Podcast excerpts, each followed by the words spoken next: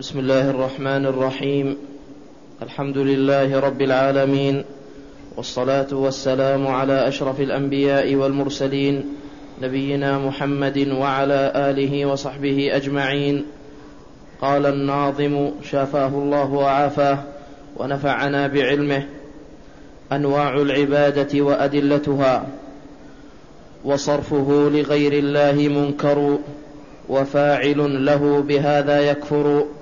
دليله في المؤمنون يتلى وقل لمن يأباه أولى أولى وخذ دليل ما مضى جميعا مرتبا وكله سميعا دعاؤنا مخ لذي العبادة واقرأ بغافر ترى السعادة وخوفنا دليله قبل النساء بآل عمران أب لمن أساء وبعده فالكهف ثم المائدة وفي ثلاث أنبياء سائدة وخشية دليلها بعون إلهنا بقوله واخشوني إنابة دليلها من الزمر وبعده أم القرآن مستطر معوذات سورة الأنفال أنعام إنسان على التوالي وسنة بلعن الله من ذبح لغيره فخاسر وفي ترح. الحمد لله رب العالمين وصلى الله وسلم على نبينا محمد وعلى آله وأصحابه والتابعين لهم بإحسان إلى يوم الدين. أما بعد فدرسنا في هذا اليوم يختص بالنظم المتعلق بالأصول الثلاثة والمسائل الأربع للإمام المجدد لمن درس من معالم الإسلام في القرن الثاني عشر الشيخ أبي عبد الله محمد بن عبد الوهاب التميمي رحمه الله تعالى.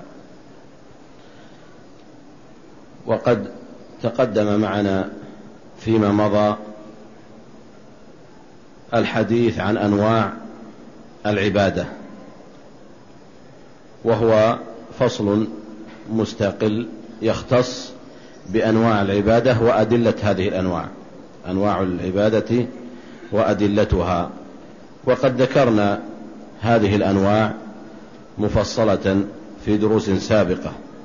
وقد قلنا إن أنواع عبادة الرحمن تمثلت في الأصول الثلاثة التي هي الإسلام والإيمان والإحسان. ثم ما يندرج تحت هذه الثلاثة من أنواع العبادة وآحادها ومفرداتها كالخوف والرجاء والتوكل والرغبة والرهبة والخشوع والإنابة والخشية والاستعاذة والاستغاثة إلى آخره. كل ذلك ذكرناه مفصلا فيما مضى. وأما اليوم فنأتي عند حكم صرف شيء من تلك الأمور العبادية لغير الله جل وعلا ثم الأدلة على تلك الأنواع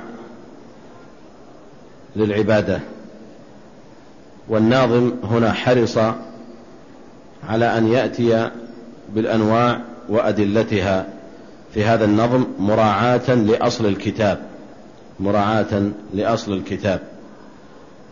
فقوله هنا وصرفه لغير الله منكر وفاعل له بهذا يكفر. صرفه لغير الله الضمير هنا يعود إلى جميع ما ذكر.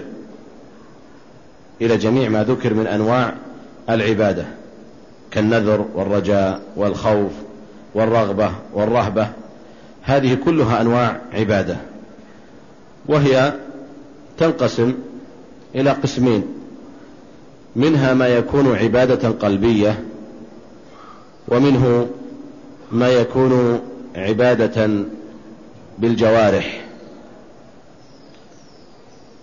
لأن الإيمان هو قول باللسان.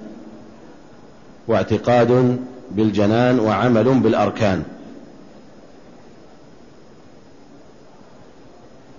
فهذه الأركان الثلاثة في تعريف الإيمان كلها تدل على أن لكل نوع آحاد من الأفعال تندرج تحته. بعض الناس يظن أن الإيمان لا يكون إلا بالفعل.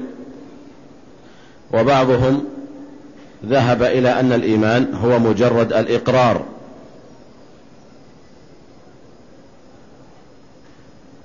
وبعضهم قالوا هو الإقرار أو التصديق بالقلب فقط. فكل من صدق بربوبية الله وألوهيته وأسمائه وصفاته بقلبه فهو مؤمن كامل الإيمان. هذا عند من ذهب إلى ذلك وقد أخطأ فيما ذهب إليه. ومنهم من ظن أن مجرد الإقرار مجرد القول باللسان يعد إيمانا. فبمجرد ما يتلفظ المرء بألفاظ دالة على الإيمان فإنه يعد مؤمنا. وهذا أيضا خطأ. وليس هذا هو محل تفصيل هذه المسألة. ولكن أشير إلى أن الأنواع السابقة تأتي متنوعة بحسب أركان تعريف الإيمان. والصحيح أن الإيمان لا بد أن يجتمع فيه الأمور الثلاثة أو تتنوع فيه الأمور الثلاثة فهو بكماله يجمع بين القول والتصديق بالقلب والعمل بالجوارح. وقد يطغى شيء على آخر من حيث الأفضلية فقد يكون أحيانا التصديق بالقلب أفضل من بعض أعمال الجوارح أو تكون أعمال القلوب أفضل من أعمال الجوارح. فمثلا عندنا الخشية والخوف والرغبة والرهبة والرجاء هذه كلها أشياء قلبية ليست من أفعال الجوارح. يعني لا يقال إنك تخاف الله بيدك. ولا تخشى الله بيدك. ولا ترغب إلى الله بيدك. أو ترجو ما عند الله بيدك. وإن كان هذه قد تدخل من وجه آخر. لكن هذه كلها أمور قلبية. الخوف والرجاء والرغبة والرهبة والخشية هذه كلها أشياء قلبية. وهي من أمور الإيمان. وهي من العظم بمكان. قد تفوق بعض أعمال الجوارح. قد تفوق بعض أعمال الجوارح. فمثلا الخوف من الله أفضل من صيام النوافل. من خاف الله بقلبه وإن لم يصم النوافل مثلا فهو أقوى إيمانا ممن يحافظ على النوافل لكنه لا يخاف أو لا يخشى الله أو لا يرجوه ولكن يرجو غيره وهكذا. المهم أن الأنواع التي مضى ذكرها إما أن تكون أفعال عبادية بالجوارح كالصلاة والصوم والحج هذه كلها متعلقة بالجوارح فيها حركة البدن وعمل الجوارح الصدقة إماطة الأذى عن الطريق وهكذا. وهناك ما يكون من أعمال القلوب. وجميع أعمال القلوب جميعها عظيمة وفاضلة وتفوق كثيرا من أعمال الجوارح لأن أعمال القلب كلها تختص بالعقيدة. كلها تختص بالعقيدة. الإخلاص هذه عقيدة لأنك تنوي هذا العمل لله جل وعلا وتجرده للباري سبحانه. الخوف الرغبة الرهبة الرجاء هذه كلها أعمال قلبية عقدية والخلل فيها يؤثر في دينك ويؤثر في اعتقادك. وقد يصل بعضه إلى الكفر كما مر معنا سابقا من التفصيل. أما أعمال الجوارح فليست كلها تصل إلى مثل إلى مثل هذا. وكوني أقول ليست كلها لأن هناك من أعمال الجوارح ما تكون كفرا وهي من أبواب الاعتقاد. كمن يسجد لغير الله؟ كمن يسجد لغير الله. أو من يحكم مثلا غير شريعة الله. لكن أعمال القلوب كلها مختصة بالعقائد. ولذلك كانت أقوى وأعظم وكانت رعايتها والاهتمام بها أجدر من الاهتمام بما هو دونها. فكثير من الناس يحرصون على الأعمال البدنية العبادية ويهملون هذا الجانب وهو في الحقيقة جانب مهم عظيم. الحاصل أن ذلك مر ذكره والناظم هنا يبين أن صرف هذه الأشياء لغير الله يعد أمرا منكرا. والمنكر إما أن يكون كفرا وإما أن يكون معصية. إما أن يكون كفرا وإما أن يكون معصية. والمعصية إما أن تكون كبيرة من كبائر الذنوب أو أن تكون صغيرة من صغائر الذنوب. إذا الذنوب هنا تكون ثلاثة. الذنوب ثلاثة. ذنب مخرج من ملة الإسلام وذنب لا يخرج من ملة الإسلام وهذا الذي لا يخرج ينقسم إلى قسمين كبائر الذنوب وصغائر الذنوب. فقوله منكر لاحتمال أن يكون هذا المنكر مما يخرج عن ملة الإسلام ويحتمل أن يكون مما لا يخرج. كما مر معنا في تقسيم تلك الأعمال الخوف وغيره ذكرنا أن منه ما هو كفر ومنه ما هو دون ذلك. ثم قال وفاعل له بهذا يكفر ليوضح أن هذا المنكر قد يصل إلى درجة الكفر. فمن ذبح مثلا لغير الله فإنه كافر ومن عبد غير الله جل وعلا فإنه كافر. ثم أخذ الناظم يسرد هنا الأدلة على ما مضى ذكره. وأنتم ستلاحظون أمامكم في النظم كل دليل نرجعه إلى الكلام الأول. فقال دليله في المؤمنون يتلى وقل لمن يأباه أولى أولى فقوله دليله في المؤمنون يتلى. دليل ماذا؟ دليل هذه العبادة لله سبحانه وتعالى. أو عفوا دليل هذا الصرف للعبادة لغير الله جل وعلا. ما هو؟ قلنا حكمه الكفر أنه كافر. من صرف العبادة لغير الله فهو كافر. لكن ما هو الدليل على هذا؟ قال دليله في المؤمنون يتلى. يعني في سورة المؤمنين يتلى وهو قوله تعالى ومن يدعو مع الله إلها آخر لا برهان له به فإنما حسابه عند ربه إنه لا يفلح الكافرون. فهنا قال لا يفلح الكافرون. فدل على أن من يدعو مع الله إلها آخر فإنه يكون حينئذ كافرا كفرا يخرج من ملة الإسلام. فهذا دليل هذا الحكم. ثم قوله وقل لمن يأباه أولى أولى. يعني قل لمن يأبى هذا الدليل وهذا الحكم ولا يأخذ به أولى أولى. هذه الكلمة يؤتى بها للتهديد والتقريع والتخويف. وقد قالها النبي صلى الله عليه وسلم لأبي جهل. حينما عصى وعاند قال له النبي صلى الله عليه وسلم أولى أولى. فقال له أبو جهل أتهددني بالوعيد والعذاب؟ فأنزل الله جل وعلا قوله أولى لك فأولى ثم أولى لك فأولى. فهذه الكلمة يؤتى بها للتهديد والتخويف والوعيد. وهنا الناظم اقتبس هذا من الآية فقال وقل لمن يأباه لمن يأبى هذا الحكم في من صرف العبادة لغير الله قل له أولى أولى لأن من لم يكفر الكافر أو من شك في كفر الكافر فإنه مثله.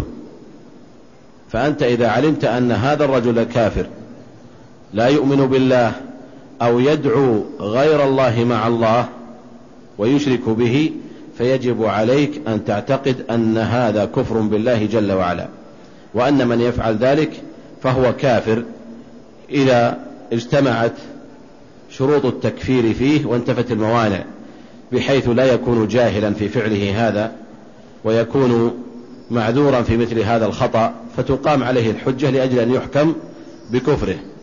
لكنك هنا أنت بين أمرين من يفعل مكفرا من المكفرات المخرجة من ملة الإسلام فهذا يطلق عليه حكم عام وحكم خاص. فنقول كل من أشرك بغير الله فهو كافر. هكذا مطلقا. من سجد لغير الله فهو كافر. من ذبح لغير الله فهو كافر. من طاف بقبر فهو كافر. هذا حكم عام. لكن لو جاء زيد من الناس وطاف بهذا القبر فهذا حكم خاص. الأول بالاتفاق وبالإجماع أن الحكم واحد. نقول من طاف بقبر فإنه يكفر بالله واليوم الآخر. من استهزأ بدين الله فإنه يكفر. لكن إذا سمعنا شخصا معينا أو رأيناه يفعل هذا المكفر فهل يحكم بكفره؟ نقول يحكم أولا عليه بالحكم العام أن من فعل ذلك فهو كافر. وأما الحكم الخاص فينظر في حاله. إن كان لديه من الجهل بهذا الحكم ما يعفيه من التكفير فإنه لا يكفر. وإنما يبين له الدليل وتقام عليه الحجة ثم بعد ذلك إذا لم يستجب فإنه يحكم بكفره. لأنه قد يكون حديث عهد بإسلام أو قد يجهل هذا الحكم في المسألة أو نحو ذلك. وهذه مسألة مشهورة عند أهل العلم وهي مسألة العذر بالجهل. هل يعذر الجاهل في أبواب الاعتقاد بجهله أو لا يعذر؟ أما في فروع الدين فهو معذور. من نسي طواف الوداع جاهلا معذور. من نسي شيئا من صلاته جاهلا هذا معذور. يعني لا يقع عليه الإثم. وإنما الإشكال على من أخطأ في أمور الاعتقاد مما هي كفر بالله جل وعلا. هل يعذر أو لا يعذر؟ هذه مسألة مشهورة اختلف في أهل العلم وربما مر معنا شيء من ذلك فيما مضى. والصحيح في هذه المسألة أنه ينبغي أن يرى. إن كان عالما بهذا الحكم وليس جاهلا وأوجه الاعتذار أو العذر محيطة به فإنه حين ذلك لا يكفر وإنما تقام عليه الحجة ويبين له أن هذا الفعل كفر وأن من يفعل ذلك فهو كافر بالله. فإن استجاب لم يوصف بالكفر وإن أبى فحينئذ ينزل عليه حكم التكفير ويكون كافرا. وهذا ما يسمى بتكفير المعين. هل يجوز تكفير المعين أو لا يجوز؟ على هذا التفصيل. ثم قال وخذ دليل ما مضى جميعا مرتبا وكن له سميعا. أراد هنا أن يرتب الأدلة على ما مضى ذكره من الاستعانة والاستغاثة والرجاء والخوف. كل مسألة لها دليل. الرجاء ما هو دليله؟ والخوف ما هو دليله؟ والذبح ما هو دليله؟ هذه الأمور أتى بها الناظم هنا ونبه على ذلك بقوله وخذ أوصاه هنا خذ. والتعبير بالأخذ أقوى في الدلالة من التعبير بإقرأ أو اسمع. وإنما الأخذ يدل على التعبير أكثر من غيره. لأن الله جل وعلا قال ليحيى يا يحيى خذ الكتاب. يا يحيى خذ الكتاب. فالتعبير بالأخذ أقوى من أي تعبير آخر كالأمر بالاستماع أو الإنصات أو القراءة. وخذ دليل ما مضى أي ما مضى ذكره من أنواع العبادة جميعا مجموعة. مرتبا أيضا حسب الترتيب السابق في سردها وكن له سميعا. يعني هذا فيه تحضير على الاستماع المترجم بالفعل المترجم بالفعل. فقال دعاؤنا مخ لذي العبادة واقرأ بغافر ترى السعادة. هنا ذكر ما يتعلق بالدعاء. وأشار إلى الحديث المشهور الذي رواه الترمذي وغيره من حديث أنس رضي الله تعالى عنه أنه أن النبي صلى الله عليه وسلم قال الدعاء مخ العبادة. الدعاء مخ العبادة. وهذا الحديث هو الذي ذكره الشيخ أبو عبد الله في أصل كتابه. وهذا الحديث ضعيف. من حيث السند. ولا يصح. وإن كان حسنه بعض أهل العلم لكن الصواب أنه حديث ضعيف. ولا أدري هل المؤلف غاب عنه الحديث الآخر الذي هو أوضح من هذا وأكبر دلالة في المعنى وأصح وهو حديث النعمان بن بشير. أن النبي صلى الله عليه وسلم قال الدعاء هو العبادة. وهذا الحديث رواه الترمذي وأبو داود وابن ماجه وغيرهم. وهو حديث صحيح.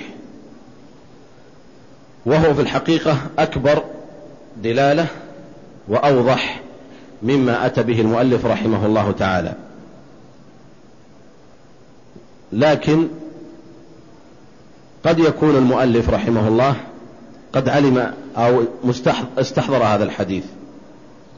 نحمله على أنه يعلمه لكن لم يستحضره في تلك اللحظة أو أنه استحضره واختار هذه الرواية رواية أنس ليبين أن لفظ مخ العبادة له معنى لما يريده هو رحمه الله وهو أن المخ الشيء لبه وأصله وزبدته. فمخ. الصلاة أركانها وعلى رأسها الطمأنينة. ومخ. عبادة الله سبحانه وتعالى أي نوع من أنواع العبادة؟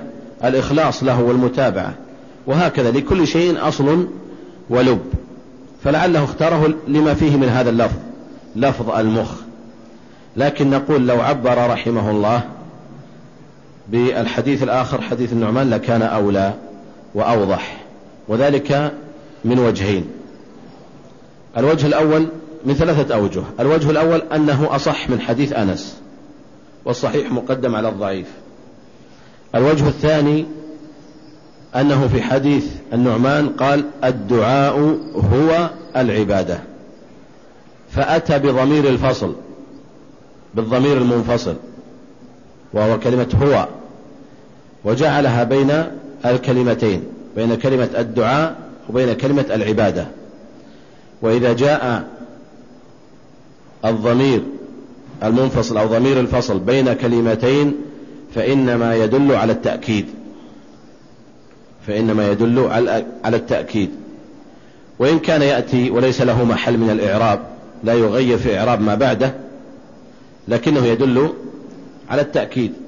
كقوله تعالى هو خيرا وما تقدموا لأنفسكم من خير تجدوه عند الله هو خيرا. هذا ضمير منفصل يؤكد لكنه لا يؤثر في الإعراب لا محل له من الإعراب فلذلك لم يغير في كلمة خيرا. والمعنى يكون وما تقدموا لأنفسكم من خير تجدوه عند الله خيرا. وإنما الضمير المنفصل يؤكد. فهنا جاء بين الكلمتين ليؤكد. وإذ قالوا اللهم إن كان هذا هو الحق هو ضمير منفصل لا محل له من الإعراب. ولو قيل اللهم إن كان هذا الحق من عندك صح. لكن إتيان الضمير المنفصل بين الكلمتين هنا يدل على التأكيد. فهذا الأمر الثاني. الأمر الثالث أنه أتى بالألف واللام على كلمة العبادة. وهذا يدل على أن المعنى هو أن الدعاء هو العبادة لا غيرها. هو العبادة لا غيرها. أن الدعاء هو العبادة لا غيرها. وهذا أكبر تعبيرا من لفظ مخ العبادة لأنه يعطي معنى أكبر. فكانه يجعل هي العبادة كلها. وأما ذلك فيجعل الدعاء هو مخ العبادة. فعبر بالجزء وأما هنا فقد عبر بالكل. إذا حديث النعمان كان ينبغي أن يؤتى به في هذا الموضع لأنه أولى وأرجح. قال واقرأ بغافر ترى السعادة. هذا دليل العبادة أو دليل الدعاء عفوا دليل الدعاء. ما هو هذا الدليل الذي بغافر بسورة غافر؟ قوله تعالى وقال ربكم ادعوني أستجب لكم إن الذين يستكبرون عن عبادتي سيدخلون جهنم داخرين. ونحن قلنا إن الدعاء ينقسم إلى قسمين. القسم الأول دعاء مسألة والقسم الثاني دعاء عبادة. أما دعاء المسألة فهو سؤال الله جل وعلا بجلب الخير أو دفع الشر. وهذا هو الدعاء المشهور الذي هو الإنشاء. تنشئ الشيء. تقول اللهم اغفر لي اللهم إني أعوذ بك من النار اللهم إني أسألك الجنة اللهم ارزقني اللهم ارحمني. هذا دعاء مسألة. وهو إنشاء الطلب بجلب الخير أو دفع الشر. أما القسم الثاني فهو دعاء العبادة. ودعاء العبادة هو فعل العبادة التي أمرك الله بها رجاء ما عنده من خير وفوز عظيم واتقاء ما عنده من عذاب مقيم لمن عصاه. فهذا يقال له دعاء, دعاء لكنه دعاء عبادة. أنت الآن وأنت تصلي في الحقيقة تصلي ترجو ما عنده من الأجر العظيم وتتقي الإثم والعذاب لمن ترك الصلاة. فأنت ما دعوته قلت اللهم إني بصلاتي هذه أسألك الأجر وأعوذ بك من الوزر. لسان حالك وأنت تعبد الله بهذا أنك تطلب الأجر. هذا الذي يطوف بالبيت لسان حاله بفعله هذا أنه يرجو ما عند الله بهذا الطواف ويستعيذ بالله من عقابه بهذه العبادة. فكان الدعاء محتملا لهذين القسمين إما أن يكون دعاء مسألة أو دعاء عبادة. ثم قال وخوفنا دليله قبل النساء بآل عمران أب لمن أساء. وخوفنا يعني دليل الخوف الذي مضى ذكره قبل النساء يعني قبل سورة النساء ورد قبل سورة النساء. ما هي السورة التي قبل سورة النساء؟ قال بآل عمران. لو لم يبين ويقول بآل عمران فاحتمل أن تكون في البقرة لأن كل ما كان قبل النساء فيمكن أن يكون في البقرة أو في الفاتحة. لكن ليوضح أن المراد السورة التي قبل النساء مباشرة وهي سورة البقرة. وإذا قال بآل عمران أب لمن أساء أب وضح. ولمن أساء يعني من أساء الفهم ولم يعرف ما هو الدليل على الخوف أو على مسألة الخوف. وهذا يكون ممن أساء الفهم في مثل هذه المسألة إذا لم يعرف الدليل أو اختار غيره. والدليل هذا هو قوله تعالى إنما ذلكم الشيطان يخوف أولياءه فلا تخافوهم وخافون إن كنتم مؤمنين. فهنا دل على مسألة الخوف وأنها من العبادة وأن يجب أن لا يصرف هذا الخوف إلا الله جل وعلا وألا يصرف لغيره من البشر لقوله فلا تخافوهم فلا تخافوهم وخافوني إن كنتم مؤمنين. فدل على أن الخوف الحقيقي الذي يجتمع مع الإيمان الحقيقي هو الخوف من الله. ومفهوم الآية أن من خافهم فإنه ليس بمؤمن. من خاف الشيطان وأولياء الشيطان دون خوف الله جل وعلا فإنه لا يكون مؤمنا. بآل عمران أبي لمن أسى قال وبعده فالكهف في ثلاث أنبياء سائدة. قوله وبعده فالكهف بعد ماذا؟ بعد الخوف في الترتيب السابق. ارجعوا إلى البيت رقم 48 هذا هو بداية السرد حتى تجمع بين الدليل وبين مسألته. فقلنا كالخوف هذا هو الأول. وبينا أن دليله ما جاء في سورة آل عمران. ماذا بعد الخوف؟ الرجاء كالخوف والرجاء بالسواء. والرجاء ما هو دليل الرجاء؟ دليله ما قاله الناظم هنا. وبعده فالكهف يعني الدرجة الثانية وهي الخوف دليلها في سورة الكهف وبعده فالكهف ثم المائدة. ما هي الآية التي في سورة الكهف تدل على الرجاء؟ عندكم هنا خطأ مطبعي تحت في تكرار بين سورة آل عمران في حاشية الرابعة وفي الحاشية السادسة.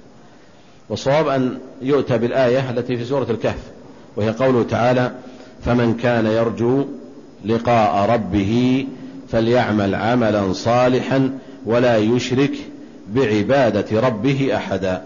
فهنا قال فمن كان يرجو فهذا هو الرجاء الشرعي هذا هو الرجاء الذي مر ذكره.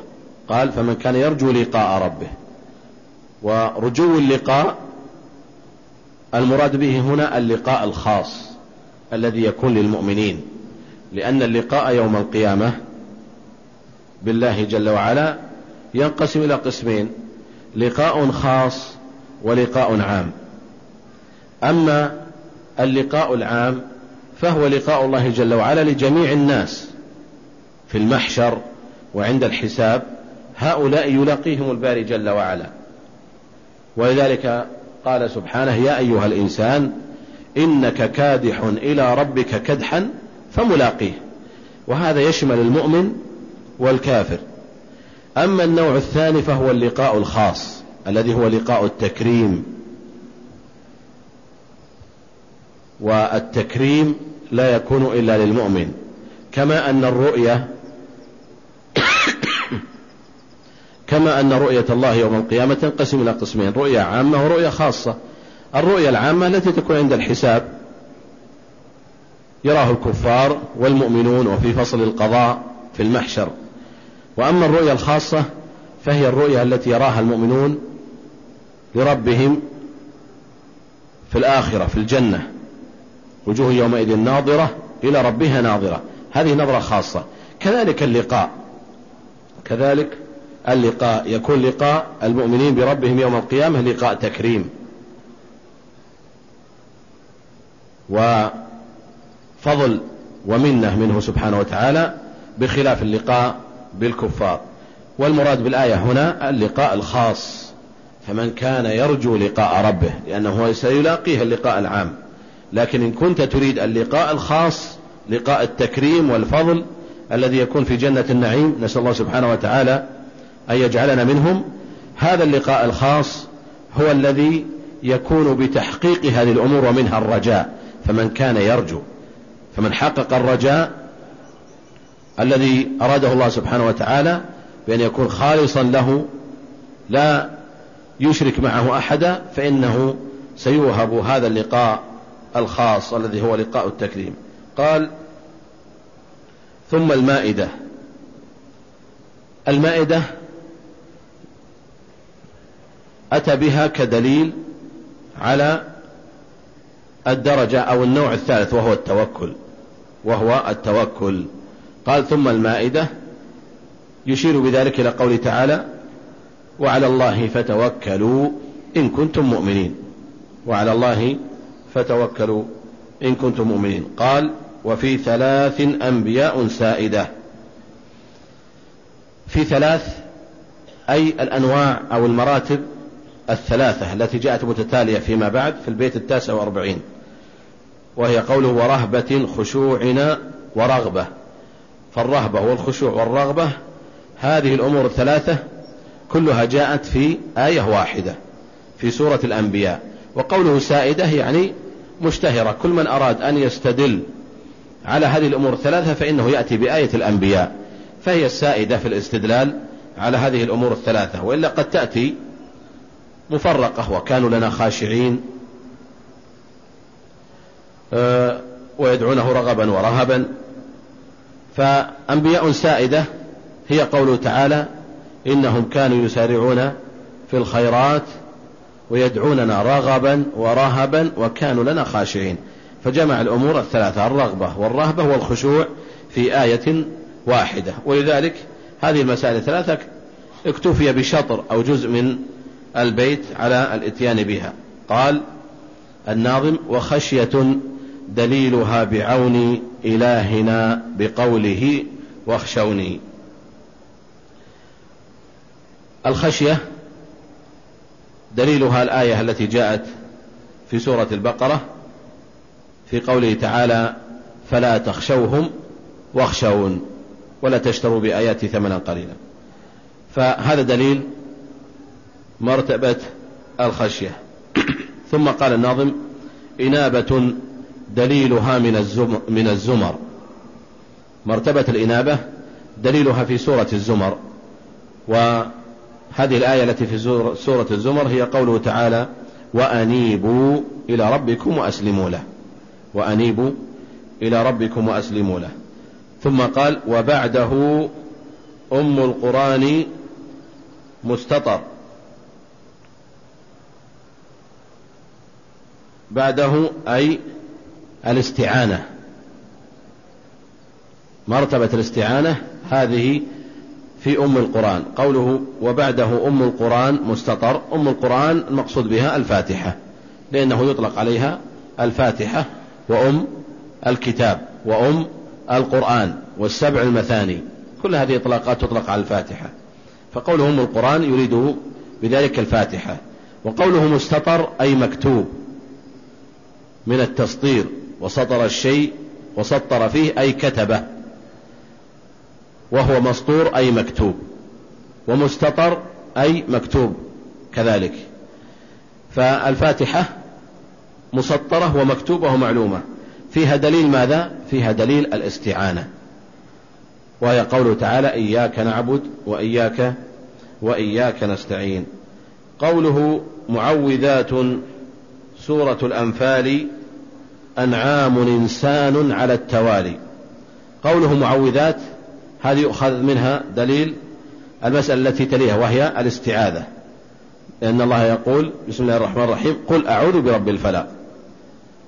من شر ما خلق إلى آخر السورة. فهذا هو دليل الاستعاذة. بعد الاستعاذة تأتي الاستغاثة. وذلك قال معوذات سورة الأنفال. الأنفال فيها الآية التي تدل على الاستغاثة بالله. كما قال تعالى إذ تستغيثون ربكم فاستجاب لكم أني ممدكم بألف من الملائكة مردفين. هذه الآية هي دليل الاستغاثة وأنها لا تكون إلا لله. ثم قال أنعام إنسان على التوالي. الأنعام فيها دليل ماذا؟ دليل الذبح.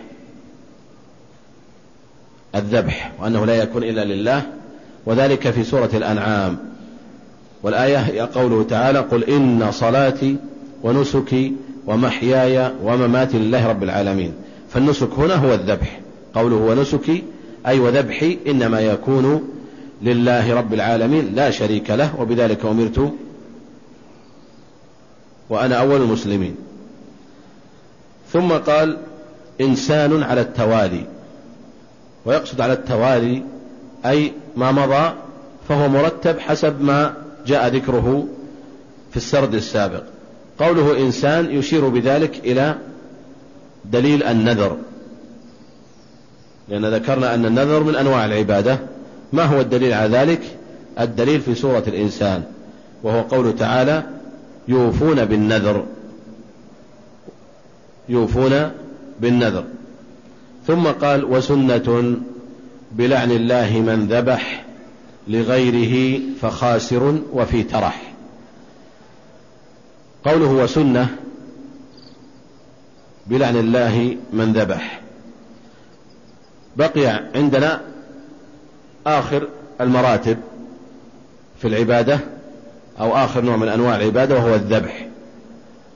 وهو الذبح وقد قلنا إنه ينقسم إلى مندوب إلى إلى ذبح واجب وإلى ذبح مستحب وإلى ذبح مباح وإلى ذبح محرم.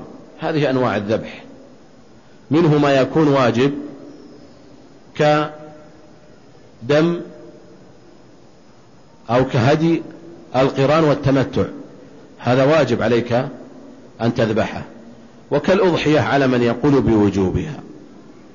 وأما القسم الثاني وهو الذبح المندوب مثل الأضحية على من يقول بسنيتها نعم ومثل فدية الأذى إذا كان مخيرا بين الذبح أو الإطعام أو الصيام. وإما أن يكون مباحا كالذبح لإكرام الضيف ولأكلك وشربك وإما أن يكون محرما وهو الذبح لغير الله جل وعلا وهو الذبح لغير الله جل وعلا. وهنا المؤلف في الأصل استدل على الذبح بالحديث ولم يأتي بالآية وإن كان عفوا أتى بالآية لكنه زاد فيها هذا الحديث لدلالة الحديث دلالة واضحة على معنى الآية وهو أن النبي صلى الله عليه وسلم كما عند مسلم في صحيحه لعن من ذبح لغير الله. والحديث جاء فيه لعن أربعة لعن لعن الله من لعن والديه لعن الله من ذبح لغير الله لعن الله من آوى محدثا لعن الله من غير منار الأرض. هذه الأربع جاءت في الحديث عند مسلم في صحيحه ومنها قوله صلى الله عليه وسلم لعن الله من ذبح لغير الله. قوله هنا لعن الله من ذبح لغير الله. ماذا يفهم من اللعن هنا؟ هل هو بمعنى الخبر أو هو بمعنى الإنشاء؟ يعني هل النبي صلى الله عليه وسلم يخبرنا أن من ذبح لغير الله فهو ملعون؟ أو أنه أراد بهذا الخبر الإنشاء يعني الدعاء كأنه يدعو على من ذبح لغير الله بأن يلعنه الله. والفرق بين الأمرين ظاهر. إن كان من باب الخبر فمعنى ذلك أن من ذبح لغير الله فهو ملعون. فهو ملعون يقينا. وإن قلنا إنه من باب الإنشاء يعني أن النبي صلى الله عليه وسلم دعا عليه كأنه يدعو كأنه يقول اللهم لعن من ذبح لغير وجهك. فإن هذا الدعاء لا يلزم منه الاستجابة. وإن كان النبي صلى الله عليه وسلم مجاب الدعوة لكن لا يلزم أن يجاب في كل دعواته. لا يلزم من ذلك أن يجاب في كل دعواته. فهناك دعوات لم يستجبها الله سبحانه وتعالى لنبيه. وإن كان معظمها وأكثرها قد استجاب الباري له تلك الدعوات. فإذا هذا الفرق بين الخبر إذا كان بمعنى اللعن هنا إذا كان بمعنى الخبر أو كان بمعنى الإنشاء. وسواء كان بذلك أو بذلك فهو دلالة على أن الأمر خطير وعظيم وعلى أن الذبح لغير الله من كبائر الذنوب فقد يكون كفرا مخرجا من الملة إذا كان عالما بذلك وقامت الحجة عليه أو لا يكون كذلك ويعد من كبائر الذنوب. واللعن معروف معناه هو الطرد والإبعاد من رحمة الله جل وعلا. فمن لعنه الله فقد طرده وأبعده من رحمته. قال لغيره فخاسر وفي ترح. يعني من ذبح لغيره لغير الله. وقوله لغيره هنا أتى بالضمير لأنه قال قبل ذلك وسنة بلعن الله. بلعن الله. وإلا لو قال وسنة باللعن من ذبح لغيره أصبح هذا مشكلا. ولا يعرف لغير من. لكن حينما أتى بلفظ الجلالة في الأول بلعن الله من ذبح عرف أن المراد بقوله لغيره أي لغير الله سبحانه وتعالى. فخاسر. لا شك أن هذا خسران. وهذا الخسران سواء كان هذا الذبح الذبح كفرا بالله جل وعلا فقد خسر خسرانا مبينا وإن لم يكن كفرا فقد خسر بارتكابه هذه الكبيرة. وهذا وتحصيل هذا الإثم العظيم. قوله وفي ترح الترح هو ضد الفرح. يقال للفرح فرحا ويقال للحزن ترح. فالترح هنا هو الحزن. ولا شك أن من صرف الذبح لغير الله جل وعلا فإنه قد استحق اللعنة إما بوقوعها حقيقة كخبر من النبي صلى الله عليه وسلم أو بكونها دعاء من النبي صلى الله عليه وسلم أي خبرا بمعنى الإنشاء وهو على كلتا الحالين في خسران وفي حزن شديد لأن المرء إذا عصى الله سبحانه وتعالى ووقع في المحذور فإن عاقبته تكون خسرا إذا لم يتب إلى الله جل وعلا وأنه سيحاسب على ذلك.